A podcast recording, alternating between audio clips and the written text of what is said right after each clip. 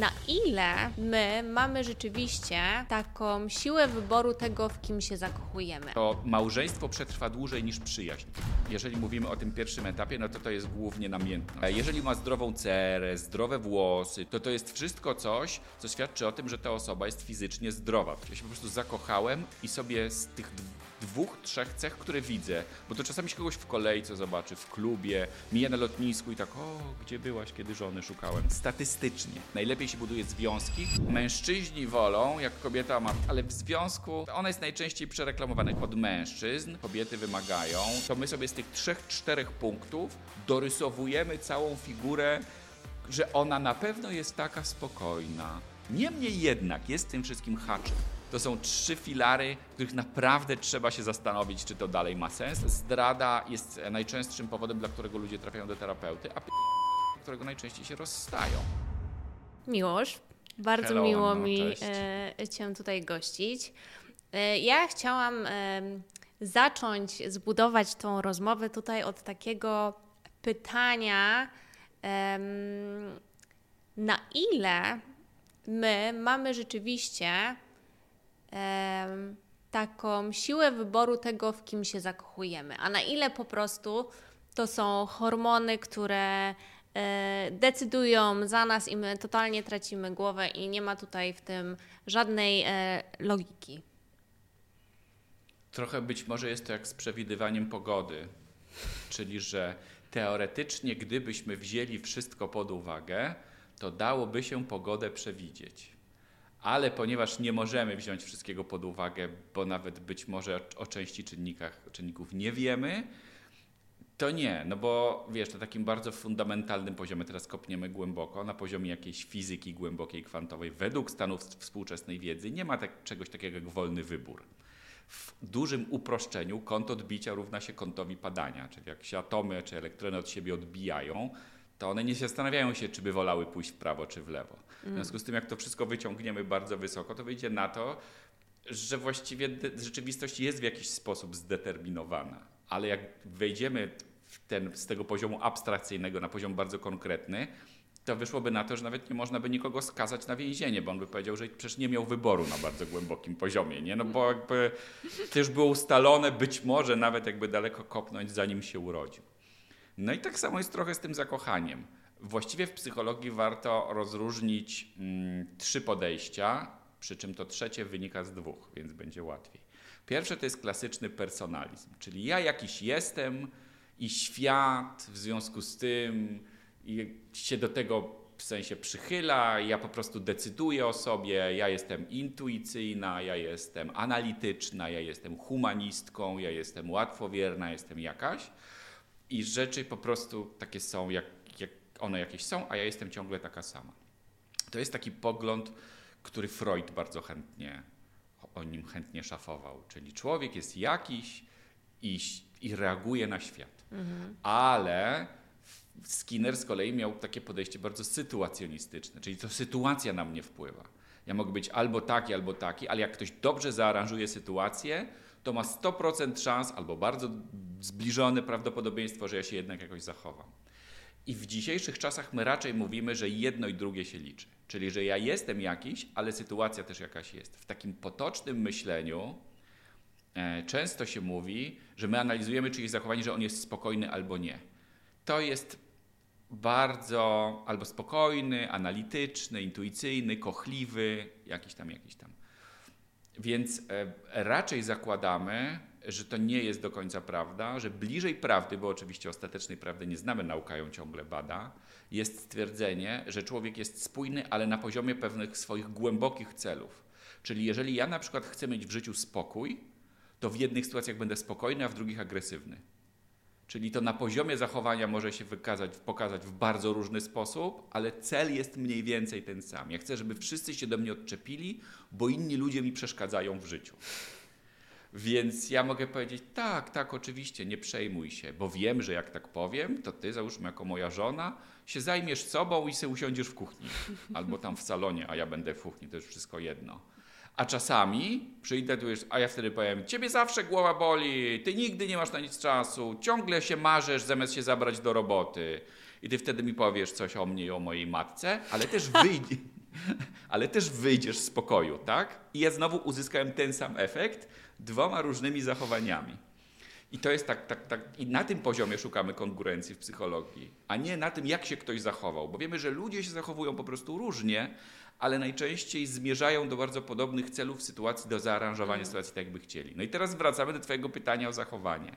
Jest to trochę efekt moich własnych preferencji o zakochanie, a trochę efekt tego, w jakiej ja się sytuacji znalazłem. Czyli na przykład, jeżeli doskwiera mi samotność, być może jest mi smutno, e, otoczenie było takie, że już wszystkie kogoś poznały albo wszyscy kogoś poznali, tylko ja, turnus mi mija, a ja niczyja, to ja mam większą prawdopodobieństwo się zakochać, tylko dlatego, że sytuacja jest taka wokół mnie. Okay. I ja oceniam, że nie pasuje tego. Już wszyscy chodzą na double date'y, tylko ja nie chodzę na double date'y, bo jestem takim od trzymania telefonu, żeby zdjęcie zrobić, jak nasza ramka, nasza randka mm. jest romantyczna.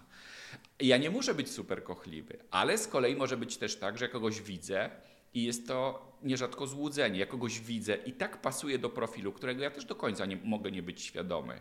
Ja się mogę na przykład zastanowić dopiero po wielu latach dojść do tego, że jak widzę dziewczynę, która ma bardzo ciemne oczy, to koniec krew mi z mózgu odpływa, tak? Bo jak mówią, mężczyzna nie ma tyle krwi, żeby zasilić dwa kluczowe organy równocześnie. Tak więc jest, jest pozamiatane. I ja dopiero mając tam lat 30 czy 40 sobie zdaję sprawę, że ja zupełnie inaczej traktuję kobiety albo mężczyzn, bo to wszystko jednak ja mam preferencje, które mają takie bardzo ciemne oczy, że, że po prostu nie potrafię tego zignorować. To jest silniejsze ode mnie. Nie wiem skąd mi się wzięło, nie wiem dlaczego tak mam, ale po prostu wszystkie to, o żona, nie? To będzie, o żona znowu szła, tak? Mm. I, i to się, tak się dzieje.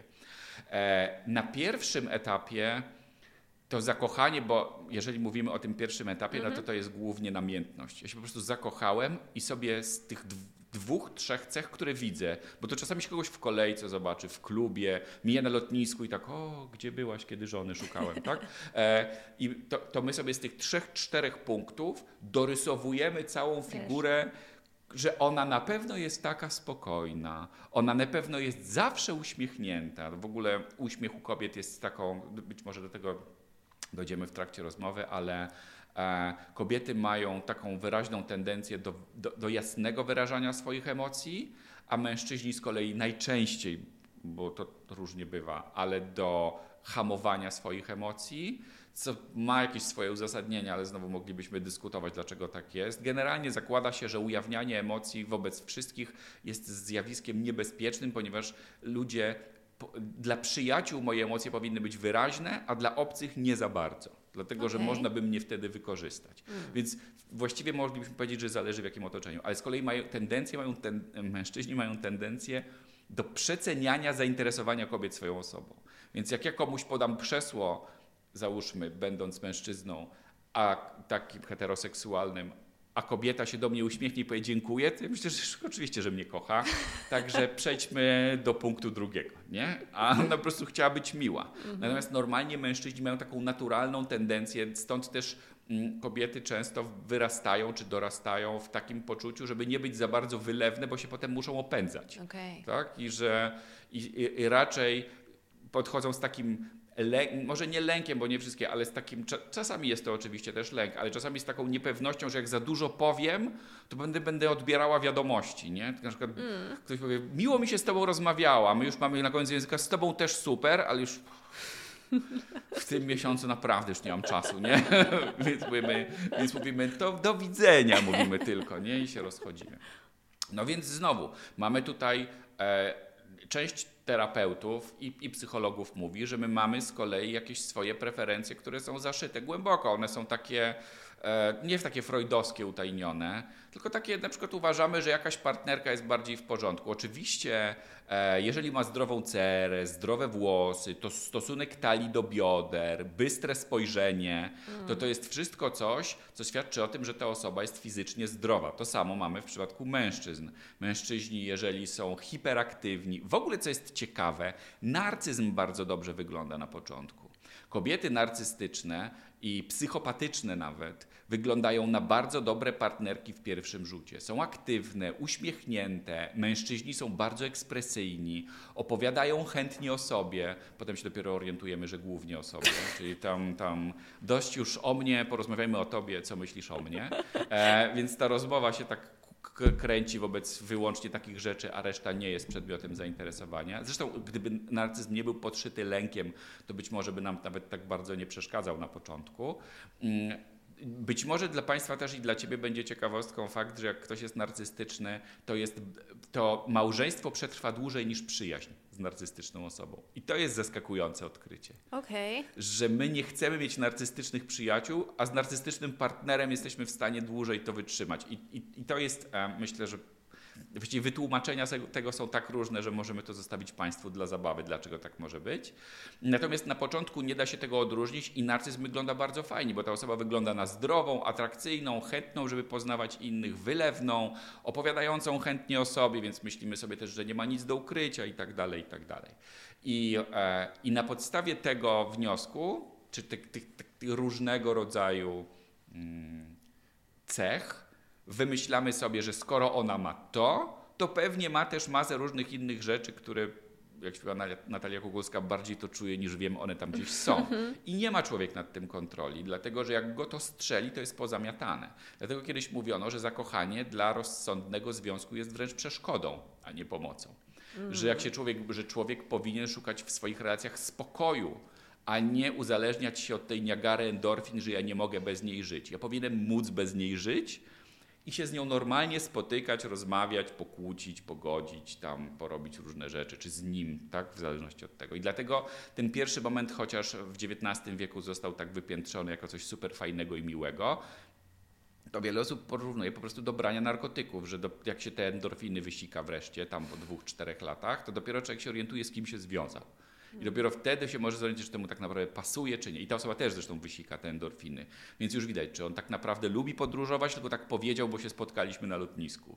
Czy ona naprawdę tam, nie wiem, lubi motoryzację, czy po prostu potrzebowała wtedy pieniędzy i leciała na samochody. Czy on naprawdę jest taki wylewny, czy to była tylko taka wersja, wersja demonstracyjna w jego oprogramowaniu, która została odłączona po ślubie i teraz już w ogóle nie jest rozmowny i nie można z niego zdania złożonego wycisnąć. To dopiero wtedy się okazuje, z kim się związaliśmy. No i czasem to są wybory lepsze, czasami gorsze trudność polega na tym, że to jest nie sposób ogarnąć na początku. Raz dlatego, że jak jesteśmy zakochani, to część odpowiedzialna za refleksję i krytyczną ocenę partnera jest zupełnie bez prądu. Choć jak pokazują badacze, e, znowu badania, też nie wiadomo za bardzo, czego to się bierze. Im bardziej człowiek jest bezkrytyczny wobec swojego partnera na początku, tym większa szansa, że ten związek dłużej pociągnie. Co znowu moglibyśmy powiedzieć, nie wiadomo, czy jest wartością, bo w 30% związków długoterminowych ludzie deklarują, że są um, wykorzystywani i molestowani. E, więc nie wiadomo, czy taki długofalowy związek jest wartością samą w sobie. Kiedyś był, bo się tam pieniądze trzymały, ale teraz to nie. Natomiast rzeczywiście tak jest, że. A po drugie, bardzo łatwo to oszukać. Czyli e, na początku znajomości, gdybym ja na przykład był twoim absztyfikantem i smalił do ciebie cholewki, to moim jedynym zadaniem komunikacyjnym byłoby mówić wszystko to, co chcesz usłyszeć. Tak samo jak wtedy, jak jestem w tobie zakochany, to też bym mówił, ale to jest nie sposób odróżnić na początku, mm. dlatego niestety parę razy musimy się rąbnąć. Czyli zakochać się w kimś, kto niestety albo celowo nas oszukał, albo przypadkiem nas oszukał, bo na tym etapie to jest bardzo łatwo oszukiwalne, no i smutna prawda jest taka, że ile takich związków człowiek może w życiu przerobić. Może się przespać z wieloma osobami. Jedni mówią, że ich ciało jest ich świątynią, drudzy też mówią, że jest świątynią, ale rozrywki, więc, e, więc można się... Ale zbudować związek, żeby go sprawdzić przez parę lat, to nam życia nie starcza. No, tam parę osób sprawdzimy i jak mamy pecha i parę razy sprawdzamy, ale na przykład dwa razy albo trzy razy sprawdzamy i się okazuje, że to jest ciągle ten sam typ osoby, co się wcale rzadko nie zdarza, to znaczy, że mamy w głowie jakiś kopnięty profil, który wypadałoby przeanalizować się samemu na co zastanowić. Na przykład iść do terapeuty, który z nami porozmawia i tak pozadaje pytania, że my się dokopiemy do tego, bo niektórzy deklarują te historie wręcz niewiarygodne, że się związują z kimś, to jest kobieta albo przemocowa, albo, albo mężczyzna jakiś tam przemocowy, to go zostawiają, to zrzucają pracę, wyprowadzają się do Wrocławia. W Wrocławiu znowu poznają taką osobę, okazuje się, że jest dokładnie to samo, co było, chociaż się poznali w zupełnie innym miejscu i tak dalej. To mówię, pieprzę to wszystko, rzucam, wyjeżdżam w Bieszczady, albo wyjeżdżają w końcu na narty, na ferie do Szwajcarii, poznają, to jest autentyczna historia, kogoś z Japonii, który mówi znowu, że rzuca dla nich pracę, bo się tak zakochał, że po prostu w życiu takiej kobiety nie widział. Przecież do Polski się kurna okazuje po dwóch miesiącach, że dokładnie ta sama historia, nie? Ja sobie mówię, jakim cudem to się dzieje? W ogóle ja się za wszelką cenę staram tego uniknąć. No więc e, okazuje się, że my często w życiu, a w zasadzie istnieje taka hipoteza bardzo poważna, nie szukamy osób dobrych, szukamy osób, które nam pasują. Czyli jeżeli my jesteśmy tam w jakiś sposób skrzywieni, to szukamy takich osób, które są skrzywione komplementarnie do nas, żebyśmy my wiedzieli, jak się zachować. I dlatego terapeuci są piewcami między innymi tej, tej, tej, tej, tego modelu, bo mówią, że jak my się trochę odprostujemy, to sobie będziemy bardziej sprostowanych osób szukać do siebie. Tam, gdzie nam nie pasuje, bo to nie jest tak, że każdy może być prosty, każdy będzie pokręcony, ale w takich miejscach, w których my e, chcemy na przykład wypracować wysoką asertywność, co się w związku z przydaje, ale też wysoką chęć do współpracy. Te dwie cechy na wysokim poziomie są bardzo pożądane. Czyli my z jednej strony stawiamy granice, które zawsze są wyrazem szacunku też dla drugiej osoby, nie tylko dla siebie, ale też chcemy z nią współpracować i się zawsze zastanawiać, co by było najlepsze dla zespołu. Czyli trochę dla siebie, a trochę dla zespołu. Nie? Więc jak ja nie mam tego do, do, dorobionego, no to muszę to wyrozmawiać, bo jeżeli nie, to, to wezmę z domu no, to, co mi pasowało. Jeżeli miałem rodzinę przemocową i uważam, że to nawet nie musi być aż tak, ale załóżmy, że miałem rodzica, który się na mnie darł, jak się o mnie bał.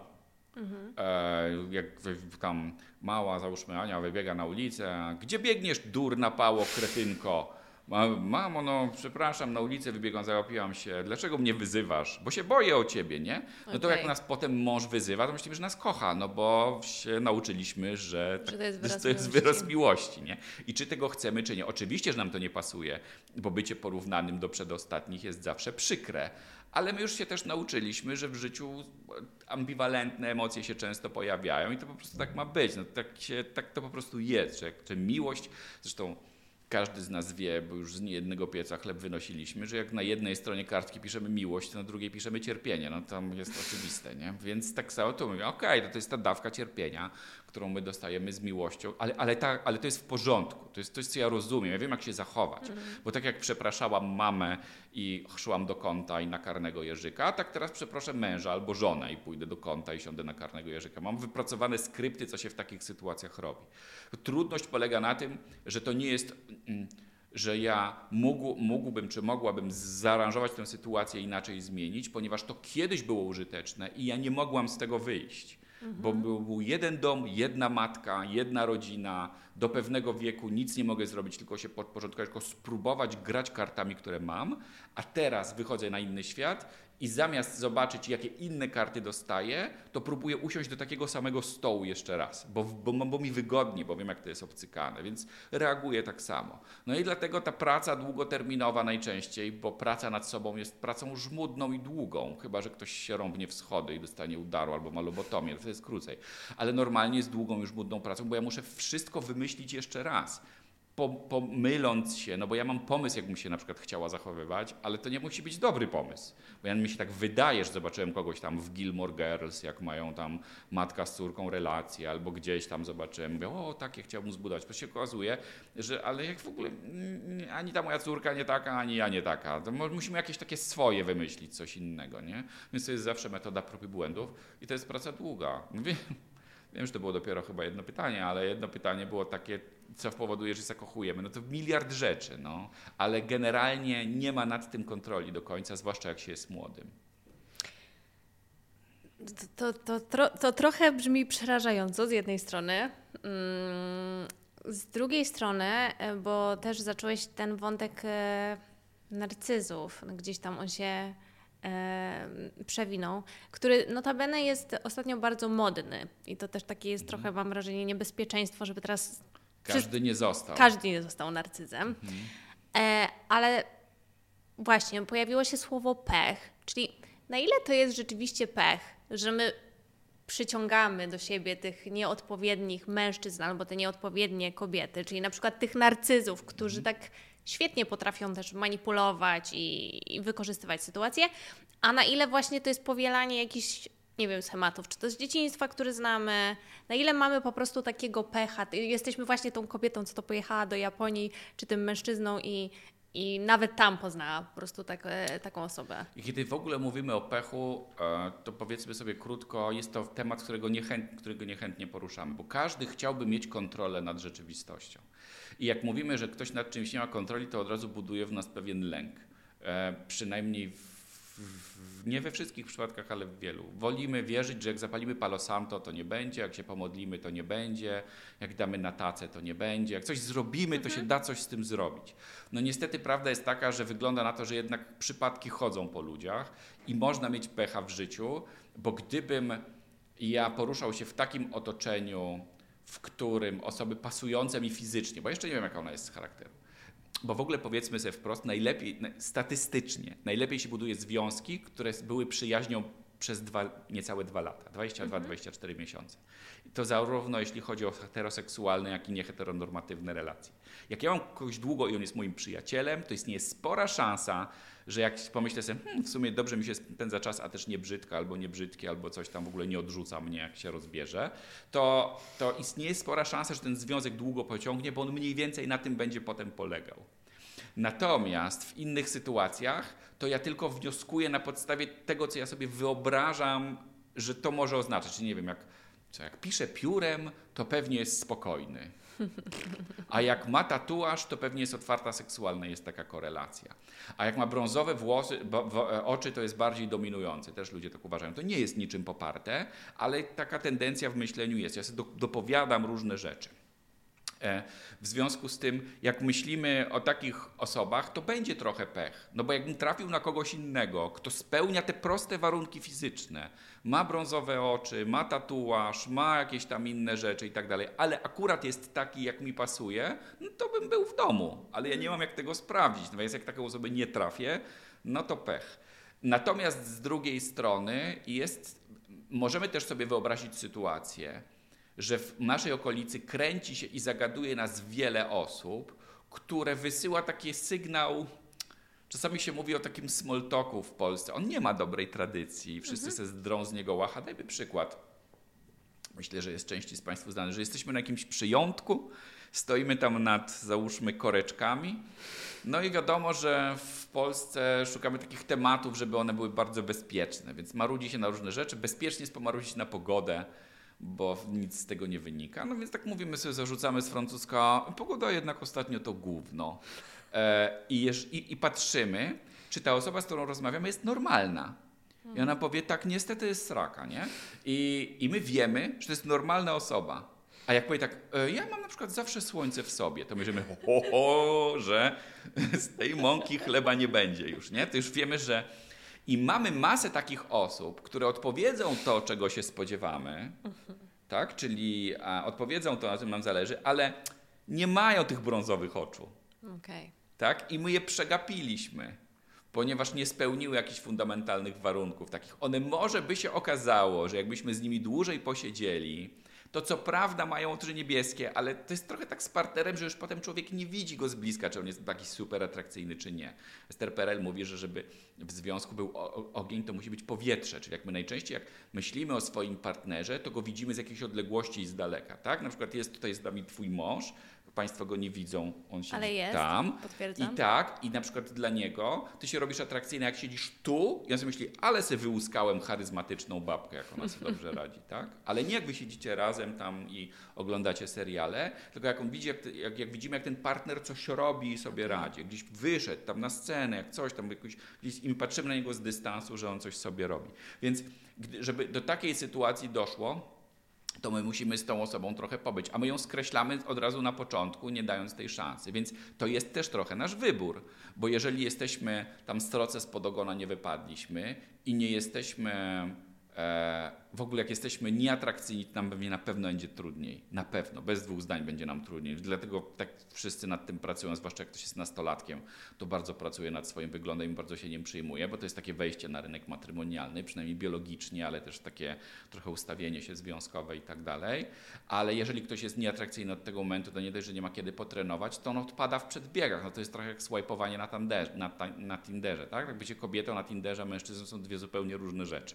I i, e, I tutaj rzeczywiście może być tak, że to jest w dużej mierze nasz wybór, że my po prostu odrzucamy osoby, które jakby się z nimi posiedziało, to i to pokazuje, jest to pewien plus, nie że zachęcam, bo generalnie e, moja opinia nie ma tu znaczenia, ale małżeństw aranżowanych, mm. że te osoby uczą się kochać kogoś, z kim są, a nie uczą się być z kimś, tak, kogo kochają, co potem się okazuje że inną osobą. I okazuje się, że jest całkiem spora grupa osób, z którymi naprawdę byśmy się nieźle dogadali.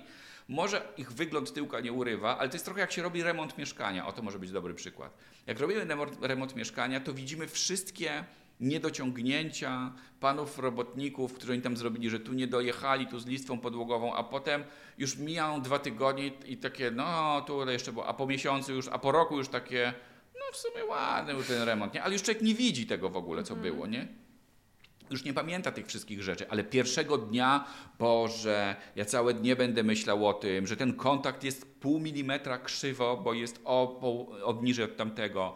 A dlaczego włącznik światła jest z tej strony? Przecież ja jestem praworęczny, a nie lewo, nie? A potem człowiek dwa lata mieszka i po prostu wchodzi i włącza i się nauczył lewą ręką. I to jest to samo z wyglądem fizycznym różnych osób. Ale na początku moglibyśmy powiedzieć, że większe znaczenie ma nasza prywatny pomysł na to, kto będzie dobrą osobą, który jest najczęściej tak sobie usankcjonowany, czyli uzasadniony, plus jakieś istotne są znamiona, no, bo kobiety i mężczyźni wybierają inaczej. Każdy woli młodszego partnera trochę, oczywiście, nie, nie, dużo młodszego, ale trochę, chociaż e, majętni mężczyźni, jeśli mają, w ogóle jak ktoś ma więcej żon, to, to w Stanach pierwsza żona jest najczęściej 3 lata młodsza, druga 5, a trzecia 8.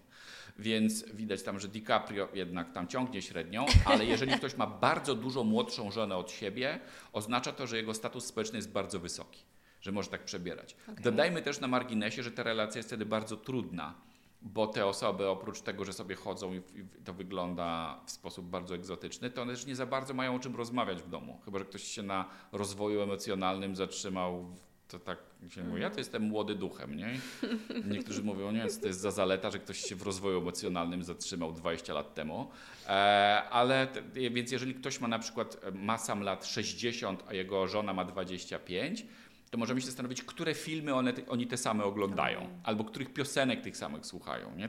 Tak fajnie wygląda, ale tak jak siadasz wieczorem, no to nawet jakbyś próbował czy próbowała, to widzisz, że ty zwracasz uwagę, masz inny filtr na rzeczywistość niż osoba, z którą jesteś i musisz tyle czasu spędzać. To są trudne relacje, ale nie, że sobie wszyscy nie poradzą, niektórzy sobie poradzą. Natomiast tak, no to, to my nie możemy tego wszystkiego wybrać, bo sobie, bo sobie dokładamy te różne historie i odrzucamy takie osoby, a one by mogły, może były dobre, tylko odrzucamy ich na podstawie tego, że na przykład nam się wydaje, no bo warunki fizyczne najczęściej mają świadczyć o zdrowiu, tak? To, że ta osoba byłaby potencjalnie dobrą matką i dobrym ojcem. Mhm. To też jest znowu w ogóle kolejna królicza nora, ale zamknijmy ją szybko. Mężczyźni wolą, jak kobieta ma, powiedzieliśmy już, zdrowe oczy, zdrowe włosy, zdrową cerę, stosunek talii do bioder taki, żeby był e, tam chyba, to jest 2 do 3 albo 0,708, w zależności od tego, której proporcji użyjemy, ale żeby tak to wyglądało. To, jest, to, to świadczy o tym, że partnerka jest zdrowa, mówiąc brzydko, że będzie rodziła dzieci, dzieci. jest spora szansa, mhm. że nic im nie będzie. E, natomiast od mężczyzn się bardziej kobiety wymagają, oprócz tego, żeby byli wyżsi i żeby. To, to głównie wymaga się ich majętności. I teraz e, to jest pewien myk, dlatego że w badaniach kobiety wystarczy wszystko jedno, jak się ubierze. Ona jest atrakcyjna fizycznie albo nie jest. Może być w stroju kelnerki, albo może być w stroju pani prezeski, to będzie. Mężczyzna w stroju kelnera nie jest już tak bardzo atrakcyjny jak garniturze z krawatem. Mm. E, istotne jest też dla kobiet, jak pytają, ile mężczyzna zarabia i jaką ma historię zarobków. Czyli czy na przykład dostał, czy ma wschodzącą historię zarobku, czy ma drive'a takiego w życiu, czyli motywację, żeby popełniać ryzyko, żeby coś robić cały czas, żeby eksplorować, żeby robić różne rzeczy. To jest trochę pic na wodę, bo u mężczyzn z wiekiem bardzo szybko spada na ryzyko zapotrzebowanie, a rośnie na święty spokój, ale na początku to wygląda bardzo wszystko obiecująco. Niemniej jednak jest w tym wszystkim haczyk. Dlatego, że jeżeli zadamy następujące pytanie, Wyobraź sobie dziewczynę, w której się zakochujesz. Mhm. I mówi się to najczęściej mężczyznom, bo to jest znowu takie heteronormatywne badanie. A potem się mówi, wyobraź sobie, że jesteś w ogrodzie swojego domu i tam jest matka twoich dzieci i ona się zajmuje tymi dziećmi coś tam sobie i coś tam sobie robicie razem. To mężczyźni wyobrażają sobie najczęściej tę samą osobę, a kobiety nie. Okay. Jak wyobraź sobie faceta, że wchodzisz i się w nim zakochujesz w klubie, gdzieś tam, gdzie chodzisz tak dalej, to jest zupełnie kto inny, niż jak sobie wyobrażasz ojca swoich dzieci, który tam przewala grilla, załóżmy, w takich bardzo stereotypowy obrazek, e, tam rowerki są porzucone i tak dalej, to kobiety sobie wyobrażają dwóch różnych mężczyzn. I w sumie nie jest to taki do końca tępy pomysł, przynajmniej ewolucyjnie, dlatego że my wolimy mieć dobry genotyp, ale potem opiekuna w domu. No tylko jak to pogodzić, nie? No kochankiem się to godzi. To jest akurat proste rozwiązanie. Może dzisiaj nie za bardzo popularne, acz niektórzy korzystają. Geny to jedno, a opieka w domu to drugie. I, i, i, i to jest też kłopot, bo, bo gdzieś się ten wątek narcyzów że to są atrakcyjne osoby, żeby je poznać, atrakcyjne osoby do przebywania w okolicy, przynajmniej w takim bezpiecznym dystansie, atrakcyjne nierzadko osoby, żeby mieć z nimi dzieci, bo prawdopodobnie są zdrowe, aktywne, zresztą teraz mogą być też na jakiejś chemii w związku z tym. To można się na to oszukać, zresztą tak samo jak z cerą u kobiet, e, więc dlatego to jest trochę taki fake, fake pic na wodę i, i tak chętnie ludzie z tego korzystają ale one są atrakcyjne i tak dalej, ale czy to by był dobry ojciec? Jest trochę jak oglądanie Hmm. Piratów z Karaibów, Top Gun czy czegokolwiek innego. Tacy tam są bohaterowie, o tych lianach i tak dalej, i tak dalej. I kończy się, że oni się zakochują, się całują. I teraz, a gdzie dalej? Bo on przyjdzie do domu i kurna co? on, czy my mamy jakieś dowody, że on się w ogóle nadaje, żeby kibel umyć? czy będzie go nosiło. To jest jak wróci Jasieńku z tej wojenki, a już teraz wiemy, że jak Jasieniek wraca z wojenki, to już nie jest ten Jasieniek, co pojechał. To już jest zupełnie inna osoba. My nie chcemy, żeby te wojenki były, bo moje wojenki z Jasieńków robią po prostu maszyny do zabijania albo maszyny do przeżywania emocji w sposób nieskoordynowany i tak dalej, i tak dalej. Tak samo tu. Więc z jednej strony fajnie by było, dlatego kiedyś było takie y, powiedzonko, że mężczyźni się związują z facetami, bo mają na, na, nadzieję, że oni się zmienią po ślubie, a, a, mężczyźni się wiążą z kolei z kobietami, dlatego że mają wrażenie, że one się nie zmienią po ślubie. Nie? I tak i obie strony się mylą, ponieważ mężczyźni najczęściej, znaczy fajnie, że chodził z kolegami, fajnie, że jeździł szybkimi furami, fajnie, że jeździł 220 po terenie zabudowanym, ale teraz po ślubie już tego nie rób. Nie? I on mówi, no to, ale chyba widziały gały, co brały, nie? I ona może mu to samo powiedzieć. W związku z tym w przypadku mężczyzn nie jest to taka oczywista sprawa, ale w przypadku kobiet okazuje się, że tak, że my mamy i trochę inną preferencję w kontekście tego, kto chcielibyśmy, żeby był ojcem naszych dzieci, a, a w kontekście tego, kogo byśmy chcieli, żeby był dawcą genów dla naszych dzieci. Tak? I to się u niektórych bardzo rozjeżdża. Ale jeżeli ktoś spotkał takiego mężczyznę, który do jednego i drugiego się nadaje, to jest w ogóle mega. To w ogóle super. Czyli też tak może być. No pewka. No okay. to nie jest znaczy, tak, w sensie że... zapytałam nie. się. Jeszcze zamiast powiedzieć, o, bo przecież u mnie tak jest, no to chyba może tak być. Nie, poczekaj, przecież, pauza. To przecież u mnie tak jest. No, brawo. Nie nagrywamy na żywo, więc można... Wszystko powycinać. Wszystko można powycinać. Tak, tak. No więc tak, oczywiście, że tak może być, ale mówimy o jakichś takich swoich potencjalnych wyobrażeniach, że my często mamy nadzieję, że ten Tarzan, pirat, kapitan może nie Jack Sparrow, bo on się nie nadawał, a Orlando Bloom, Bloom tego grał poszukiwacza przygód, mm. że on potem jak już się ze mną zwiąże, to już nie będzie nigdzie wyjeżdżał, tylko będziemy tak razem sobie wyjeżdżali i tak sobie oglądali filmy, no to bez lobotomii będzie trudno, no bo, e, bo jednak nie po to. Chociaż oczywiście z wiekiem trochę mu siądzie, ale, ale tak. No i właśnie trochę do tego, na czym teraz zakończyłeś, a trochę do tego, że co mi utknęło też w pamięci, że powinniśmy w idealnej sytuacji wiązać się z takim naszym przyjacielem, z którym się znamy 22 do 24 miesięcy, to by było idealnie. Taka statystyka. Taka jest, no. statystyka. No. To tak sobie pomyślałam, że właśnie a propos tych przyja przyjaciół naszych, że nawet w filmach, bo tutaj też mieliśmy wątek filmowy, nawet w filmach, komediach romantycznych zawsze jest sytuacja, w której ta kobieta, no akurat mówię tutaj o, o kobiecie, wybiera tego niegrzecznego, okropnego łobuza, a nie tego, bo zawsze jest, dobrego przyjaciela, który jej tutaj dobrze doradza, on się martwi, on jest taki zawsze z boku, on zawsze do, dobrze dla niej chce, ale ona tak naprawdę nigdy go nie zauważy. Przynajmniej w tym filmie w życiu może mhm. będzie inaczej. Mhm. I teraz tak się zastanawiam, czy my, kobiety, pewnie mężczyźni też, nie, nie uważamy po prostu tego takiego bezpiecznego rozwiązania za nudne? Nie, nie, wiem, nie wiem skąd ta taka ciągota do tego ekscytującego, niebezpiecznego. Powiedzieć. Też trudno powiedzieć. Znaczy, pierwsza rzecz, którą zakładamy, to oczywiście e, jest to, że zakładamy, że zakładamy, że jeżeli ktoś jest energetyczny, to ma nadwyżki energii to jest, e, jest parę takich sygnałów, o których wiemy, że człowiek ma trochę więcej energii niż tylko to, żeby nie umrzeć. Bo jak mówimy, że niektórzy są sowami, niektórzy są skowronkami, a niektórzy są chorymi gołębiami, które przez całe dnie są zmęczone. Nie? Tak jakby, e, tak, oczywiście ten trzeci chronotyp jest nieprawdziwy, chociaż wydaje się bardzo na miejscu.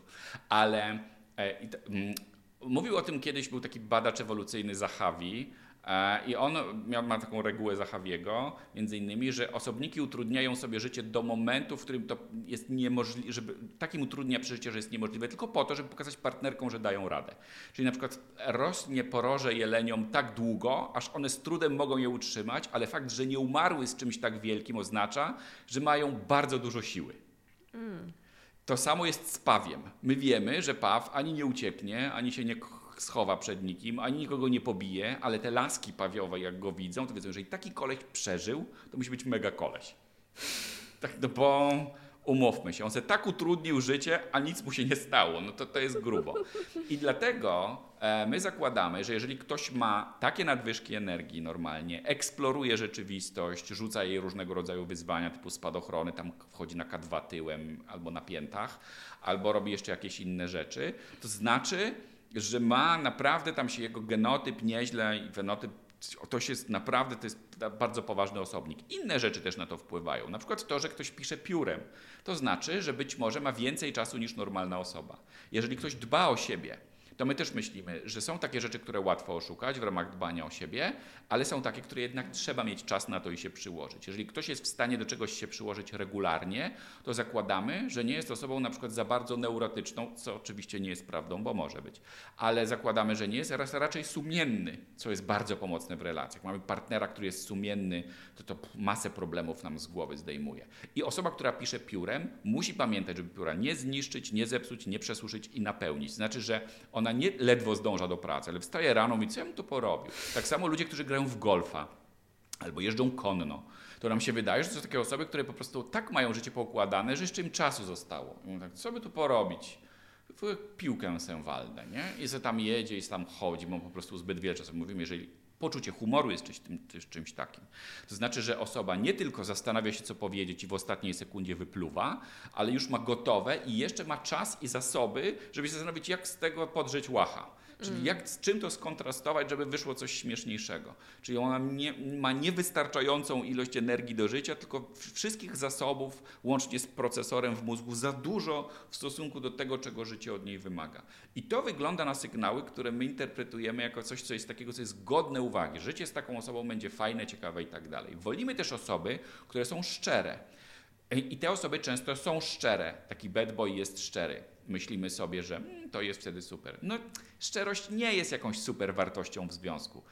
Ona jest być może większą wartością wobec siebie, ale też trzeba ją umieć zagrać, ale w związku ona jest najczęściej przereklamowana. Najczęściej to my szczerości uważamy, jak chcemy, używamy, jak chcemy komuś przypierdzielić. Tak? Kochanie, mogę tak iść do pracy, szczerze, szczerze to mu nie mów, bo już chcę wychodzić. Nie? Jakby, wiadomo, że jak ktoś powiem ci coś szczerze, to nie powie, jesteś najzajebistszą osobą, jaką znam. Tak nam szczerze nie powie.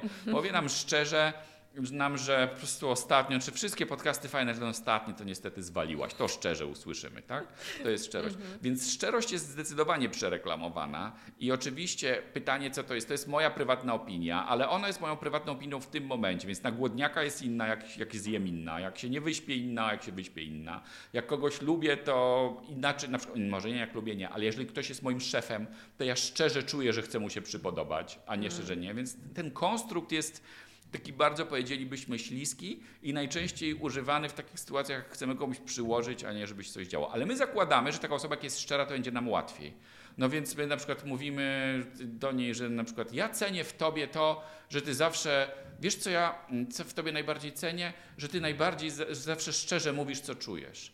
A ten facet nam odpowiada, w dubie mam, co czujesz, tak? To, to, więc niby szczerze, nie? Ale znowu zastanawiamy, no też, czy, czy to jakoś chcieliśmy to usłyszeć i co to ma nam niby dać teraz w, tym, w tej relacji. Więc, mm, no więc właśnie, może to dobrze, że to usłyszeliśmy, ale prawdę powiedziawszy, każdy ma taki dzień, że chętnie by odpowiedział swojemu partnerowi, jak ta osoba ze scenki, ale jednak się hamujemy, ponieważ dorosła osoba wie, że emocje trzeba regulować, a nie mówić wszystko, co mi przyjdzie do głowy, bo to jest jakoś super święte i kosmos przeze mnie przemawia. Więc to nie jest tak, że nie być szczerym, ale nie zawsze, nie zawsze jest na to pora i tak dalej, i tak dalej. To, to jest kolejna sprawa. Trzecia sprawa, o której myślimy, to to, że ta osoba nas obroni, bo ma takie, generalnie ją rzuca, jak ktoś tam zapada, to on może wyjdziemy przed lokal i się wyjaśnimy i myślimy, że jak ktoś nas napadnie, to ona nas obroni. No niestety, jak ta osoba nie ma kogo bić, to jej skłonność do przemocy może się przelać najpierw na stół, a potem na nas. Generalnie, jeżeli ktoś wyrósł w poczuciu, że przemoc fizyczna jest rozwiązaniem, to jest to jedna z czerwonych flag do zrezygnowania ze związku. Przemoc, nadużywanie substancji i przedłużające się poczucie beznadziei. To są trzy filary, których naprawdę trzeba się zastanowić, czy to dalej ma sens, gdyż prawdopodobnie nie ma.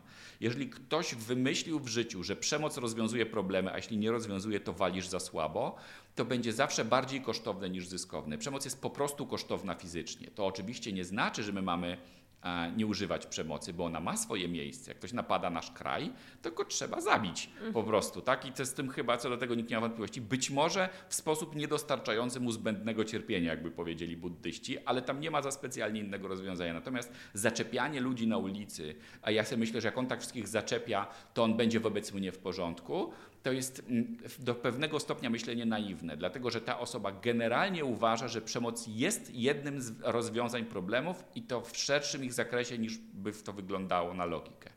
Bo, bo nie ma takiej potrzeby. Trzeba być sprytnym trochę w życiu, a nie stracić wszystkich, wszystkich jakimś uszczerbkiem na ich integralności fizycznej, w tym żonę, dzieci itd., tak itd. Tak to po prostu od pewnego momentu ma większe koszty niż zyski. No więc my myślimy, że on będzie, tak samo zresztą kobiety myślą, że jak mężczyzna jest hojny, to nam bardzo pasuje, to Antoni Hoffman to badał, ale najlepiej jakby był hojny tylko wobec mnie ale na zewnątrz to już tak sobie. A co ty jej dałeś tyle na piwku? Tej takiej, co ona, przecież ona nie przyniosła w ogóle na tej herbaty, zapomniała, to nie wiem, przyniosła. Ale jak i mnie, to jest w ogóle super. Ale jak zaczyna być hojny na zewnątrz, to już jest takie, hmm. Więc my wolimy, jak mężczyzna jest na przykład filantropem, działa charytatywnie i tak dalej, a jak się z nim zwiążemy, to już niech się poważnie zastanowi, nie? E, albo jak ma pięć motocykli, on jest takim miłośnikiem motoryzacji, a potem już takie pięć to ci chyba starczy, tak? Czy na pięciu pojedziesz naraz może? No, więc wszyscy mamy takie dość ułomne, no bo jesteśmy ludźmi, poczucie sprawiedliwości na świecie i próbujemy w tym baraszkować. Kolejnym i ostatnim już chyba e, ciekawostką, jeśli chodzi o to, że, że, że, kobiety wybierają y, brutali, a mężczyźni wolą zołzy, mm. jest to, że to mówią te osoby, którym się nie udało z tymi partnerkami. No wzięła, bo on taki ham, a ja bym był dla niej taki dobry o, on ją wybrał, a ja bym go tak kochała i tak bym mu wszystko robiła, co on by chciał, to ja bym mu robiła, a on z tą świnią po prostu jest cały czas i ona mu tylko psuje życie i tak dalej. Więc się ten marketing też pojawia z zewnątrz mhm. przez zazdrość, że, ty, że on dłużej z tym wytrzyma. Oczywiście, że my często takie wnios- y, y, widzimy takie związki, ale też y, trzeba sobie wyraźnie powiedzieć, że ludzie się w domu bardzo często zachowują inaczej niż na mieście i że my nie wiemy, kto jest kim. Znaczy, czasami widać przecieki, jak ktoś jest bardzo uważny i patrzy, jak, jak małżeństwo ze sobą rozmawia, albo że się pyta o coś żonę albo męża i on się nie odzywa, ale ten drugi partner się odzywa dla niego, a tamten patrzy z takim przerażeniem, e, jak coś powie nie tak jak trzeba, to my widzimy, że tam jest jakaś taka poważna dysproporcja, która znowu, wracając do początku, bardzo się często zdarza, kiedy jest dysproporcja w zarabianiu pieniędzy w związku. Pieniądze są bardzo ważną, w ogóle jeśli chodzi o rozstania w związkach, bo trochę już to za, napomnieliśmy o tym, to zdrada jest najczęstszym powodem, dla którego ludzie trafiają do terapeuty, a pieniądze, dla którego najczęściej się rozstają. Hmm. Ponieważ pieniądze w związku to jest godność, bezpieczeństwo, sprawiedliwość, poczucie docenienia, funkcje, jakie mamy w związku. I jeżeli jedna osoba dostarcza o wiele więcej niż druga, to na początku wygląda to bardzo miło, ale potem narasta bardzo często w tej pierwszej osobie poczucie pogardy wobec tej drugiej, które jest dość niebezpieczną emocją w relacji. Mm. Bo jeżeli ja za wszystko płacę, to co prawda ja wiem, że ja już jej kiedyś powiedziałem, czy jemu, że ty nie musisz pracować, bo ja dużo zarabiam, ale już zapomniałem, czy zapomniałam, co powiedziałem. Tylko widzę, że on po prostu siedzi i tam pozamiata pół dnia potem pobawi się z dziećmi, bo on siedzi teraz w domu z dziećmi, bo przecież nie może znaleźć pracy, a ja na wszystko łoję. I dlatego to jest niebezpieczna sytuacja, zwłaszcza w dzisiejszych czasach, kiedy, kiedy to już się, no nie, gryzę się w język przed powiedzeniem, że się wyrównało, ale różnica jest mniejsza e, niż była i kobieta może coś sama zaistnieć, bo kiedyś to w ogóle nie miała takiej opcji. Ale coś może zaistnieć. Więc to wygląda na początku bardzo fajnie, że znajdę sobie bogatego męża i będę z nim szczęśliwa, ale ta sytuacja bardzo pompuje szambo do głowy bogatszemu partnerowi. Że on zaczyna sobie czy skoro ja płacę, to ile ja mogę za to wymagać? I ile mi się za to, no bo w końcu Należy. płacę. Czy ja, a, i, I to powoduje, bo jeżeli ja zaczynam coraz więcej wymagać, czyli na przykład wracam do domu jak do hotelu, no bo przecież wkładam wszystkie pieniądze w to, to siłą rzeczy, ponieważ nie widzę swoich rąk, które partycypują w gospodarstwie domowym i robią tam rękami różne rzeczy, to zaczynam być mniej zaangażowany w gospodarstwo domowe. Czyli czuję, że mniej jestem do tego przywiązany. To się wszystko ze sobą napędza, dlatego ta dysproporcja nie jest tak fajna, jakby wyglądała na początku. Potem powstają różnego rodzaju złote klatki albo sytuacje, w których partner nie ma swojej nawet karty i nie może wyjść na zakupy, tylko dostaje pożyczoną na sobotę, bo niedziel nie mamy handlowych za dużo, e, więc zostaje na sobotę i może sobie pojechać i jest za nim chodzone i patrzone, co on sobie bierze. Co znowu niektórzy mogliby powiedzieć, że im to nie przeszkadza. No i może nie przeszkadza, ludzie mają różne preferencje życiowe, ale nie wygląda tak, jak wyglądało na początku, że on mnie kocha, czy ona mnie kocha, wszystko mi da, jest takie, e, jak ona mnie kocha i, i, ma pieniądze, to jestem wtedy gold diggerem, tak? To ona mi tam daje te pieniądze, ja sobie tam robię takie różne fajne rzeczy, jest fajnie, ale potem oboje wysikujemy te endorfiny, zaczyna się normalne życie i ją sumienie rusza nagle, a za sumieniem jej mama jak jeszcze żyje, a za jej mamą i ją zaczyna być takie, kurna, weź się ogarnij może trochę, bo ty po prostu nic nie robisz, a potem się zaczyna wyzywania, potem przemoc, a potem różnego rodzaju ograniczenia. Więc e, ta poprzeczka się przesuwa. Dlatego na to też u, trzeba uważać i to być może jest naszym takim marzeniem, zwłaszcza jak jesteśmy mali, że znajdziemy sobie bogatego partnera i to już będzie jak usiąść na kromce posmarowanej masłem i dojedziemy do emerytury. Ale prawdę powiedziawszy, łatwiej jest, kiedy dysproporcja nie jest za duża. Przynajmniej na początku, bo potem to się może wszystko zmienić. Ja mogę na przykład się związać z kobietą, która nagle 50 mhm. razy awansuje, a ja nie. Bo i to wcale nie jest, a, a mało tego, ja mogę być głęboko przekonany, że jest głupsza ode mnie tylko po prostu trafiła na takiego prezesa, co ją lubił, bo pojechała raz do Stanów. On powiedział, że w życiu nikogo takiego nie spotkał, nie wiem w sumie czemu. E, I on, nagle ona się stała szefem na Europę i zarabia 50 tysięcy miesięcznie i podróżuje, a ja zarabiam tyle samo, bo żadna kobieta się we mnie w Australii w Stanach nie zakochała z kolei, nie? A ja zasuwam jak tam mały chomik tym kółkiem kręcę i tak jak mały chomik wysiadam z tego kółka w tym samym miejscu, co wsiadłem. Natomiast ona dojechała gdzieś w tym mm. kółku. I, e, I to uważam, że to jest nie fair, życie jest nie fair, a ona jeszcze mi mówi, że ja nic nie robię, żebym się wziął do roboty. Nie? Więc na początku mogło wyglądać, no nie ma, to znowu powiesz pewnie zaraz, że to wygląda jakoś pesymistycznie, no ale live, live. Generalnie to zawsze mi przypomina taką historię, o mężczyźnie. On, on, oczywiście to było bardziej rozdmuchane przez prasę niż w ogóle miało miejsce, ale, ale jest zabawne, więc powiedzmy. Było to o mężczyźnie, który miał żonę i ta żona się pochorowała i on jej oddał swoją nerkę, a ona go zdradziła. I on potem zażądał w ramach rozwodu, żeby ona mu tą nerkę oddała, którą on jej dał, bo to jest jego nerka. No i w ramach tam zeznań różnych innych historii, to okazało się, że on przez tą nerkę ją tyrał przez te wszystkie lata. On mówił tam, a jak ona szła siku, to on mówił, ale wiesz, dzięki komu idziesz siku, nie? No to ile normalny człowiek to zniesie? No niby fajnie, bo dały jej tą nerkę i wyglądało to na coś bardzo takiego wielkodusznego, mhm. ale potem koszt emocjonalny tego wydarzenia zrobił taki, że kobiecina wreszcie się znalazła kogoś, kto ją kocha, bo jakoś tam do niej dotarło, że może miłość na, polega na czym innym. Można się jej czepiać, że nie powiedziała zawczasu, no ale najłatwiej nam się czepiać innych, więc jakby zostawmy tu problem winy. Ale powiedzmy to, że czasami coś z daleka wygląda na coś bardzo filantropijnie wielkodusznego, a potem się zagłębiamy w ten związek i okazuje się, że to ani jedna osoba nie jest szczęśliwa, bo boi się powiedzieć, że już nie chce dawać, ani druga osoba nie jest szczęśliwa, bo boi się powiedzieć, że już nie potrzebuje, nie? Że, już, że już wolałaby mniej, ale żeby było bardziej tak, że sobie po prostu jesteśmy, nie? Nie, że ciągle muszę wychodzić na zakupy i coś tam jakieś zrobić dolarsowe inwestycje w siebie.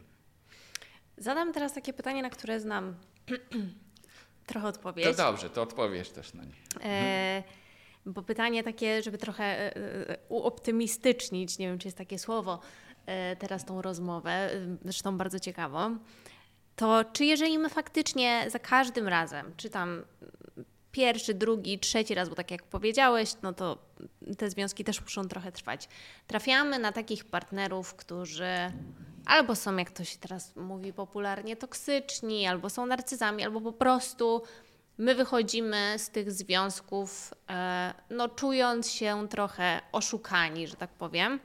Czy my mamy szansę, czy, czy mimo wszystko my mamy szansę to zmienić? W sensie, czy my mamy szansę się nauczyć i wybrać kolejny raz Tak. świadomie. Ja chciałam powiedzieć, że ja znam odpowiedź na to pytanie, bo tutaj siedzi yy, dowód tego, że można, bo ja byłam dokładnie takim człowiekiem, ale chętnie też A usłyszę... co tobie pomogło? Wiesz co? Że już po prostu miałam dość. Aha. Że już po prostu Ale to można powiedzieć, że dość. tak odbiłaś od dna. Tak, Aha. tak, tak. I to było takie bardzo, to jak to się mówi pięknie w języku angielskim, epiphany, takie oświecenie. Ja pamiętam, siedziałam wtedy w San Francisco, bo jeszcze latałam e, jako stewardesa i jakiś e, kolejny raz dostałam jakoś w dupę niefajnie w kontekście jakiegoś tam swojego związku czy, czy jakiejś relacji. I tak sobie wtedy świadomie pierwszy raz pomyślałam, że ja już tak po prostu nie chcę, że nie chcę być kolejny raz w takiej sytuacji. I później napisałam e, do mojego Mhm. siedzącego tutaj mm, męża, e, czy się ze mną wybierze na kawę. A jednak. Aha. Jakoś gdzieś Ale to było jakieś odwrócenie skryptu, tak? Bo do tej pory to rozumiem pisali do ciebie raczej. Y, Wiesz co, nie, Nie. to nawet nie było odwróceniem skryptu. E, Mój mąż, miejmy nadzieję, że się za to nie obrazi teraz, chociaż chyba wie, Nie wyjdzie, bo on, nagrywa. e, tak, on nie byłby kiedyś kimś, kogo ja bym zaprosiła na randkę, dlatego że on był właśnie, i ja to bardzo dobrze wiedziałam, on był właśnie tym dobrym, ja wiedziałam, że to jest taki dobry facet, że to jest taki, może, może miły chłopak to jest złe, e, złe stwierdzenie, ale gdzieś podświadomie wiedziałam, że to jest ten, mm, ten taki przyjaciel i tym przyjacielem jest do dnia dzisiejszego. Więc po prostu on był trochę innym typem mężczyzny, yy, którego ja bym normalnie wybrała. O, może tak. Mhm, mhm. No tak, ciekawa historia, bo rzeczywiście tak jest, że my musimy trochę się dokalibrować i zobaczyć, czego chcemy. E, można to robić w kontekście związków, można też robić w kontekście innych rzeczy. To jest ta sama historia, coś może mniej dramatyczna, jak ktoś na przykład, może ja bym lubił tańczyć, zapisuję na taniec, nie, jednak nie. A może bym lubił pływać łodziami podwodnymi, no to tam kupuję łódź podwodną, nie, jednak nie. I tak samo, może ja bym lubiła mężczyzn albo kobiety, które są takie, nie, jednak nie lubiła. To nie znaczy, że jestem do niczego, tylko sprawdziłam i zobaczyłam, że to nie to. Że mi się wydawało, że to życie z taką osobą będzie dla mnie fajne, dla kogoś innego może być ale dla mnie i nie jest. I ja wtedy zaczynam się zastanawiać, to może w takim razie ktoś inny. No i oczywiście najłatwiej kogoś, kogo już znamy mniej więcej, wiemy jaka od niego bije energia, niż próbować to wymyślać w ciemno. Więc na pewno my mamy na to wpływ. Powiedzmy sobie o dwóch rzeczach. Pierwsza sprawa to jest taka, i to będzie krótsza historia, czy my w ogóle możemy zmienić swojego partnera. Zdania na ten temat są podzielone.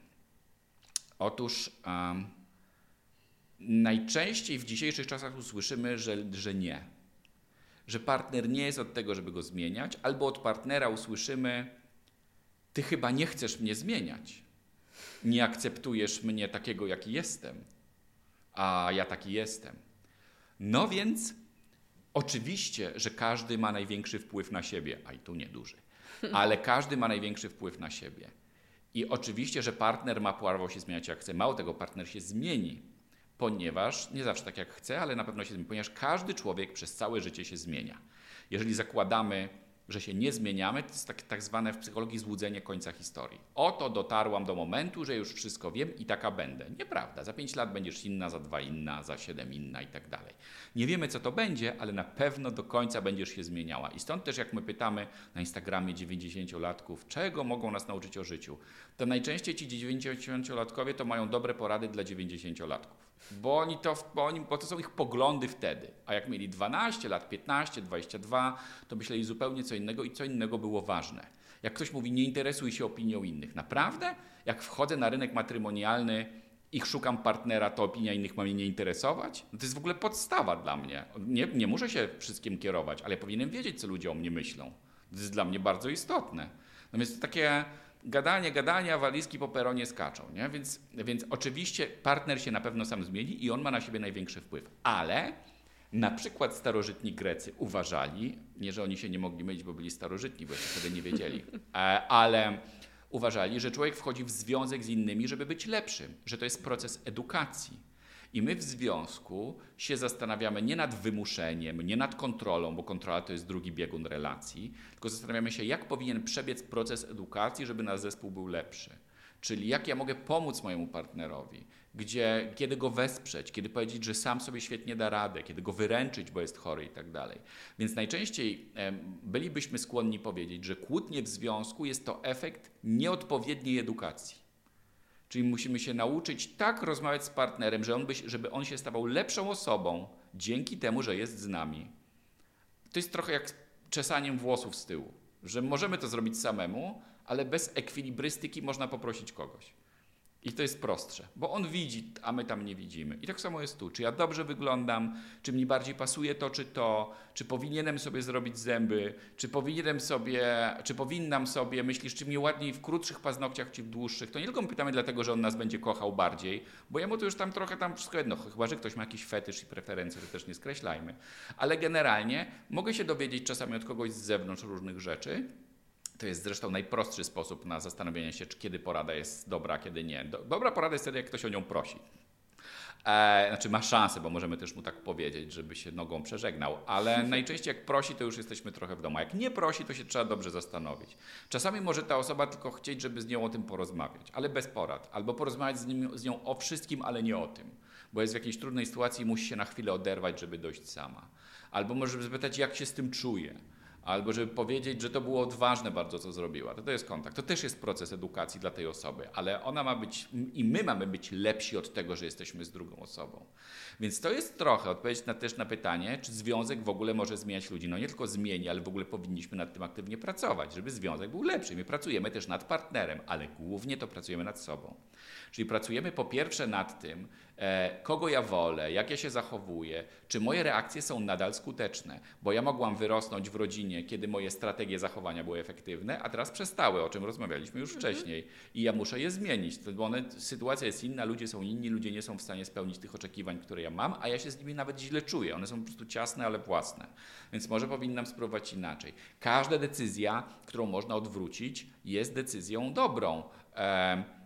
Chyba, że będziemy chcieli się spotykać z osobą, która jest skrajnie mniej atrakcyjna od nas. Tu trzeba. O, tu twojego męża nie ma tego ryzyka, ale. E, ale trzeba uważać na to dlatego, że mamy spory procent szansy, że ta osoba zostanie naszym stalkerem, ponieważ jak ją stwierdzimy, że jednak nie, to ona się zda sprawę nagle, co się zresztą często dzieje, jak mówi David Bass, że już nigdy nikogo takiego nie wyhaczy, więc będzie chodziła za nami ile wlezie i tu jest niestety spora szansa, znaczy spora, 15% szansa na to, że jednak jej się uda, że będzie tak nam utrudniała życie i tak obrzydzała życie naszym kolejnym potencjalnym randkowym partnerom, wysyłając do nich SMS-y i stalkując, że powiemy, że już lepszy taki niż żaden.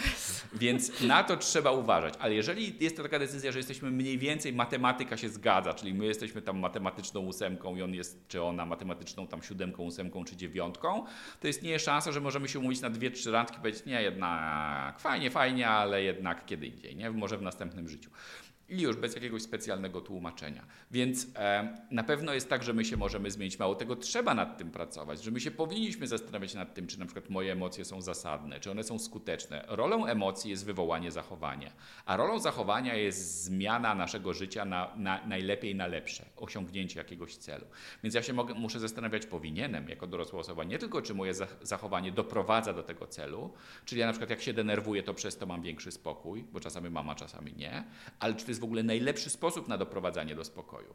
Może ja mogę spróbować czegoś innego. No i tu idą nam w sukurs terapeuci, przyjaciele, właściwie powinienem powiedzieć w tej kolejności, przyjaciele, znajomi terapeuci, bo my możemy powiedzieć, no ja już tak rzucałam misiami o ścianę, e, znam wszystkie brzydkie słowa po polsku i dalej jestem zdenerwowana. Ktoś powie Melisa i Mandale, a my sobie myślimy, Melisa i Mandale, przecież to jest do niczego, ale spróbuj. My sobie myślimy w sumie tak, decyzja odwracalna, tania, mogę szybko spróbować. Dobra, nie, kupujemy tam mandale do sypania, melisę i jedziemy tam do Żylnie. I sprawdzamy, co się dzieje. I jeżeli coś zaży, to mamy. Więc człowiek sam ma mało pomysłów, ale jak tak rozpytuje po okolicy, to się może czegoś dowie. No, terapeuci siłą rzeczy mają tych pomysłów sporo, bo zbierają. Nie dość, że uczą się na studiach i kursach, to jeszcze przychodzą do nich pacjenci, klienci tam w zależności od nurtu i, i rzucają swoje pomysły, co im w życiu pomogło. Na przykład ten twój, że odezwam się do przyjaciół, to jest wiekopomna chwila. Ludzie, przepraszam, ludzie szukają takich e, historii. Co inni zrobili, żeby to coś w ich życiu zmieniło? Nie? Jak, jakich kryteriów, że jakie filtry nałożyli na rzeczywistość. Więc pomaganie z innymi, e, rozmawianie z innymi pomaga, bo człowiek najczęściej kręci się w puli tych samych rozwiązań. Nie? I ponieważ kręci się w puli tych samych rozwiązań, to póki się sytuacja znacznie nie zmieni, to wraca do punktu wyjścia za każdym razem. No bo gdyby tak nie było, no to, to by pewnie nie, nie było to takie uciążliwe. No więc tak, tak, to w ogóle trzeba robić. Nawet powiedzielibyśmy humanistycznie, trzeba nad sobą pracować, żeby to zmienić, jeśli nam nie odpowiada, albo umrzeć próbując. Bo to już nawet wtedy człowiek jest w lepszym stanie. Już przynajmniej wie, że próbował. Bo jak już wie, że nie próbował, to już jest naj, naj, najgorzej. My właściwie zakładamy, że to jest nieadaptacyjne. Czyli nie, człowiek, jeżeli czuje dyskomfort, to normalne podejście do dyskomfortu jest takie, że układa mi się w głowie lista sposobów, które powinienem podjąć czynności, żeby to zmienić. To jest mhm. normalne podejście. Ono oczywiście może być zmienione sytuacyjnie, bo ja mogę być przytłoczony na przykład, czyli wydarzyło się tyle rzeczy naraz, że po prostu w ogóle nie tylko nie wiem za co się zabrać, ja w ogóle nic nie wiem. To jest w ogóle ogarnięcie moich własnych myśli 0%. No to wtedy leżymy, struna ze śliny do ziemi, czekamy aż nam przejdzie. Tak? Człowiek nie powinien się babrać w błocie, jak jest przytłoczony. Tylko odsapnąć i dopiero potem zacząć zbierać klocki, które się rozsypały. Zresztą niektórzy mówią, że życie na tym polega, na ciągłym rozsypywaniu się klocków i naszej mozolnej próbie ułożenia ich z powrotem. I tak w kółko. Już mamy wszystko poukładane, to się pochorujemy. Już mamy wszystko poukładane, są wakacje i po wakacjach trzeba znowu wszystko pozbierać. I tak dalej, i tak dalej. Więc, mm, więc tak to wygląda. Może być też tak, że my mamy um, układ nerwowy nie tak, że jesteśmy silnie neurotyczni. No to wtedy szukamy sposobów na to, bo osoby z ADHD, neurotyczne, które mają skłonności do takich szukania rozwiązań agresywnych, wszyscy mogą z tym coś zrobić. To nie będzie tak, że ta osoba nie będzie e, agresywna. Tak samo jak osoba, która jest uzależniona, nigdy nie będzie nieuzależniona, dlatego że to jest naturalna skłonność umysłu i a, jak mówią terapeuci, i badacze zresztą też używają tej metafory, że ogórek zakiszony już jest nie do odkiszenia. No, ja zawsze będę na alkohol patrzył inaczej i zawsze będę pamiętał i mi strawić jakąś, a może, może zapalimy, może zapalimy, a może zapalimy. Tylko już w pewnym wieku po prostu wiem, że nie, ale on zawsze będzie miał taką, a to było jednak fajne, to było, ale zobacz, a tak sobie siedzieliśmy kiedyś, nie? To będą takie strzały, które trafiają. Więc trzeba będzie zawsze na to uważać, ale life! Urodziliśmy się z czymś takim, no to jakby wiemy, że tak jest i szukamy takich sposobów, żeby nie było w domu, żeby kiedyś ktoś opowiadał, że miał takiego sąsiada, co chodził po klatce schodowej, pukał i pytał, czy tylko u niego w domu nie ma alkoholu, czy w całej klatce. E, więc e, żeby sobie nie radzić w takie różne sprytne sposoby. I żeby na poziomie zachowania coś się działo i żebym budował te nowe skrypty. One potem się pojawią, te nowe nawyki, jako, taki, jako coś, co już jest utorowane i przychodzi nam z łatwością, ale nigdy o tych starych do końca nie zapomnimy i nie będziemy ich darzyć sentymentem. Niemniej jednak warto myśleć o tym w takich kategoriach, że część jest już niezasadna że po prostu kiedyś był dobry pomysł, bo na przykład byliśmy w sytuacji naprawdę bez wyjścia, czyli mieliśmy taką rodzinę, jak mieliśmy i mieliśmy lat 5. E, no to co ma pięcioletni człowiek zrobić? Nic, no szuka sposobu, tak jak powiedzieliśmy, na granie tymi kartami, ale teraz już nie mamy pięciu lat. Teraz ta osoba jest tam w nas w środku i tam próbuje zastosować te stare patenty, ale my tłumaczymy, fajny pomysł, ale w zeszłym roku.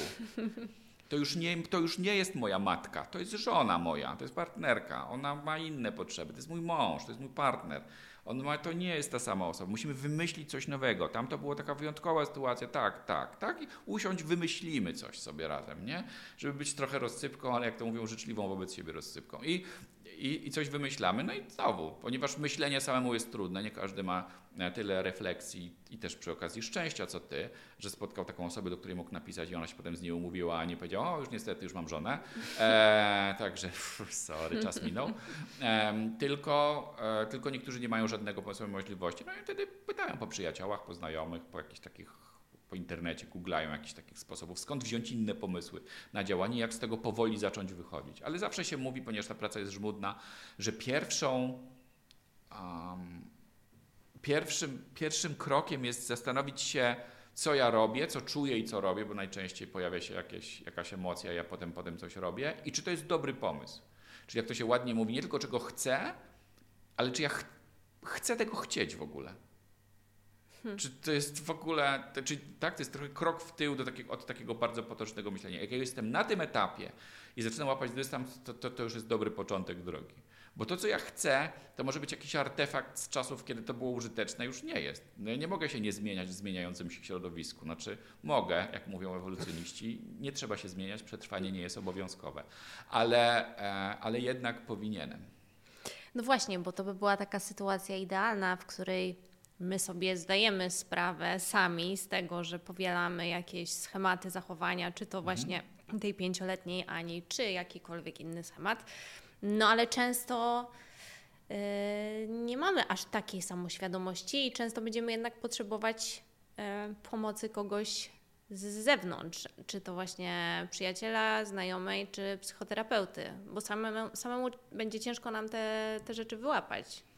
Tak, no to nie jest wiedza, która jest intuicyjna i nie jest ona też kulturowo przekazywana, bo my raczej jesteśmy w kulturze, która mówi, że jak ja czegoś chcę, to to jest już z tego powodu dla mnie dobre. Dowiedz się, czego chcesz.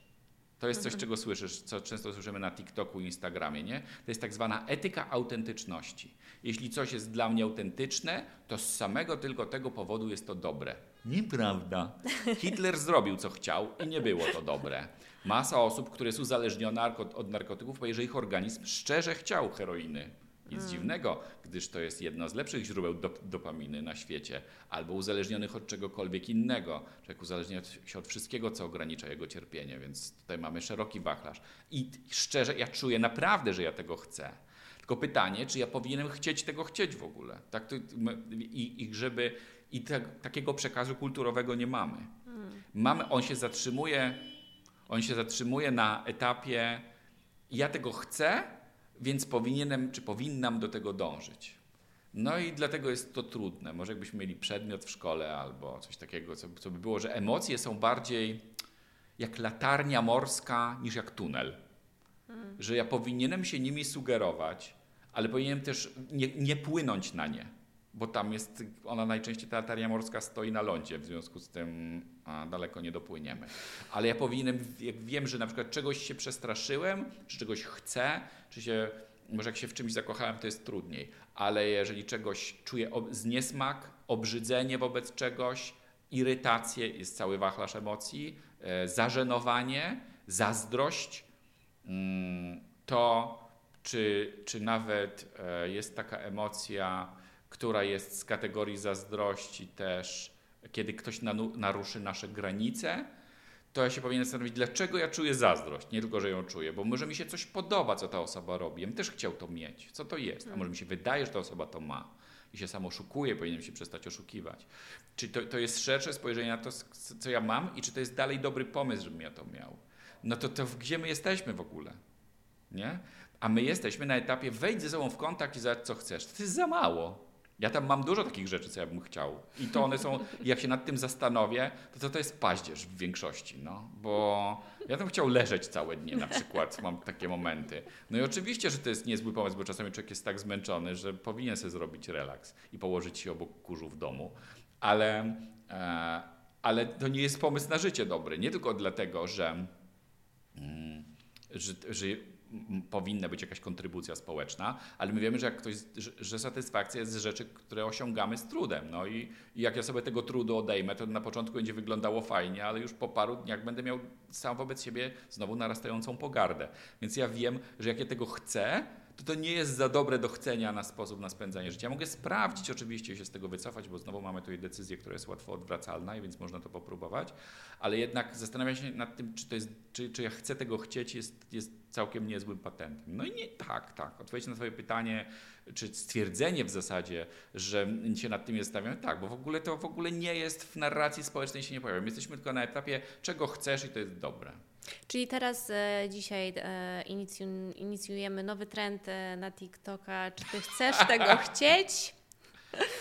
E, i, I zobaczymy, co z tego, z tego wyjdzie. No, no tak, no, naj, oczywiście, że w większości przypadków nic, e, bo, bo tak to działa, ale jak zastanawiamy się nad pewną, pewną utopią działania, a podobno na mapę bez utopii nie warto zaglądać, no to najlepiej by było, że każdą pracę nad sobą za, zaczynasz od tego, że się sobie przyglądasz. Że trochę nie siedzisz w środku. W środku siedzimy w takich momentach jak seks, kino, dobry obiad. Ja nie mogę siedzieć w kinie myśleć, to są tylko aktorzy, to są tylko aktorzy, nie? No bo to jakby nie na tym polega zabawa, nie? E, tylko ja wtedy jestem w sobie i daję tym emocjom się puścić i po prostu se przeżywam i jest fajnie i się bawimy. Choć to jest taka grupa osób, która powiedziała, że to jest fake i po co się oszukiwać w życiu. Ale, e, ale tak daleko nie sięgamy. Natomiast są takie sytuacje życiowe, kiedy ja widzę, że coś nie ma optymalnego efektu i wtedy wychodzę z siebie i się zastanawiam, co ty mi, co ten mi już tutaj powiedziałeś, to i taki jest, to jest pomysł. To jest fajny nie powiem, że jakoś do końca nieskuteczne, bo pewnie jakby było nieskuteczne, to byś nie używał, ale może jest lepszy sposób. Mm. Jaki efekt chciałeś osiągnąć? To jest dobry pomysł. To jest to samo, mm, no nie wiem, wymyślamy, że chcę odpocząć i biorę telefon. I nagle go odkładam i czuję, że jestem dalej zmęczony. I moja druga myśl mogłaby być, czy to był dobry pomysł na odpoczynek w takim razie. Mm. I czy ja powinienem zrobić następnym razem. Ale pierwsza myśl, to jest dość prosta struktura. To jest taka, że ja się obserwuję sam siebie. To, to jest punkt wyjścia do myślenia, że ja mogę w ogóle coś z tym zrobić. Bo jeżeli ja nie jestem własnym aktorem, którego obserwuję, tylko, tylko jestem, nie jestem obserwatorem, mhm. tylko jestem aktorem tego działania, tylko i wyłącznie, to nie mam dystansu do tego, co myślę. A ja muszę widzieć, że to nie jest jedyny sposób, w którym można było coś zrobić. Że moją domeną jako człowieka jest wybór działania, a nie bodziec reakcja.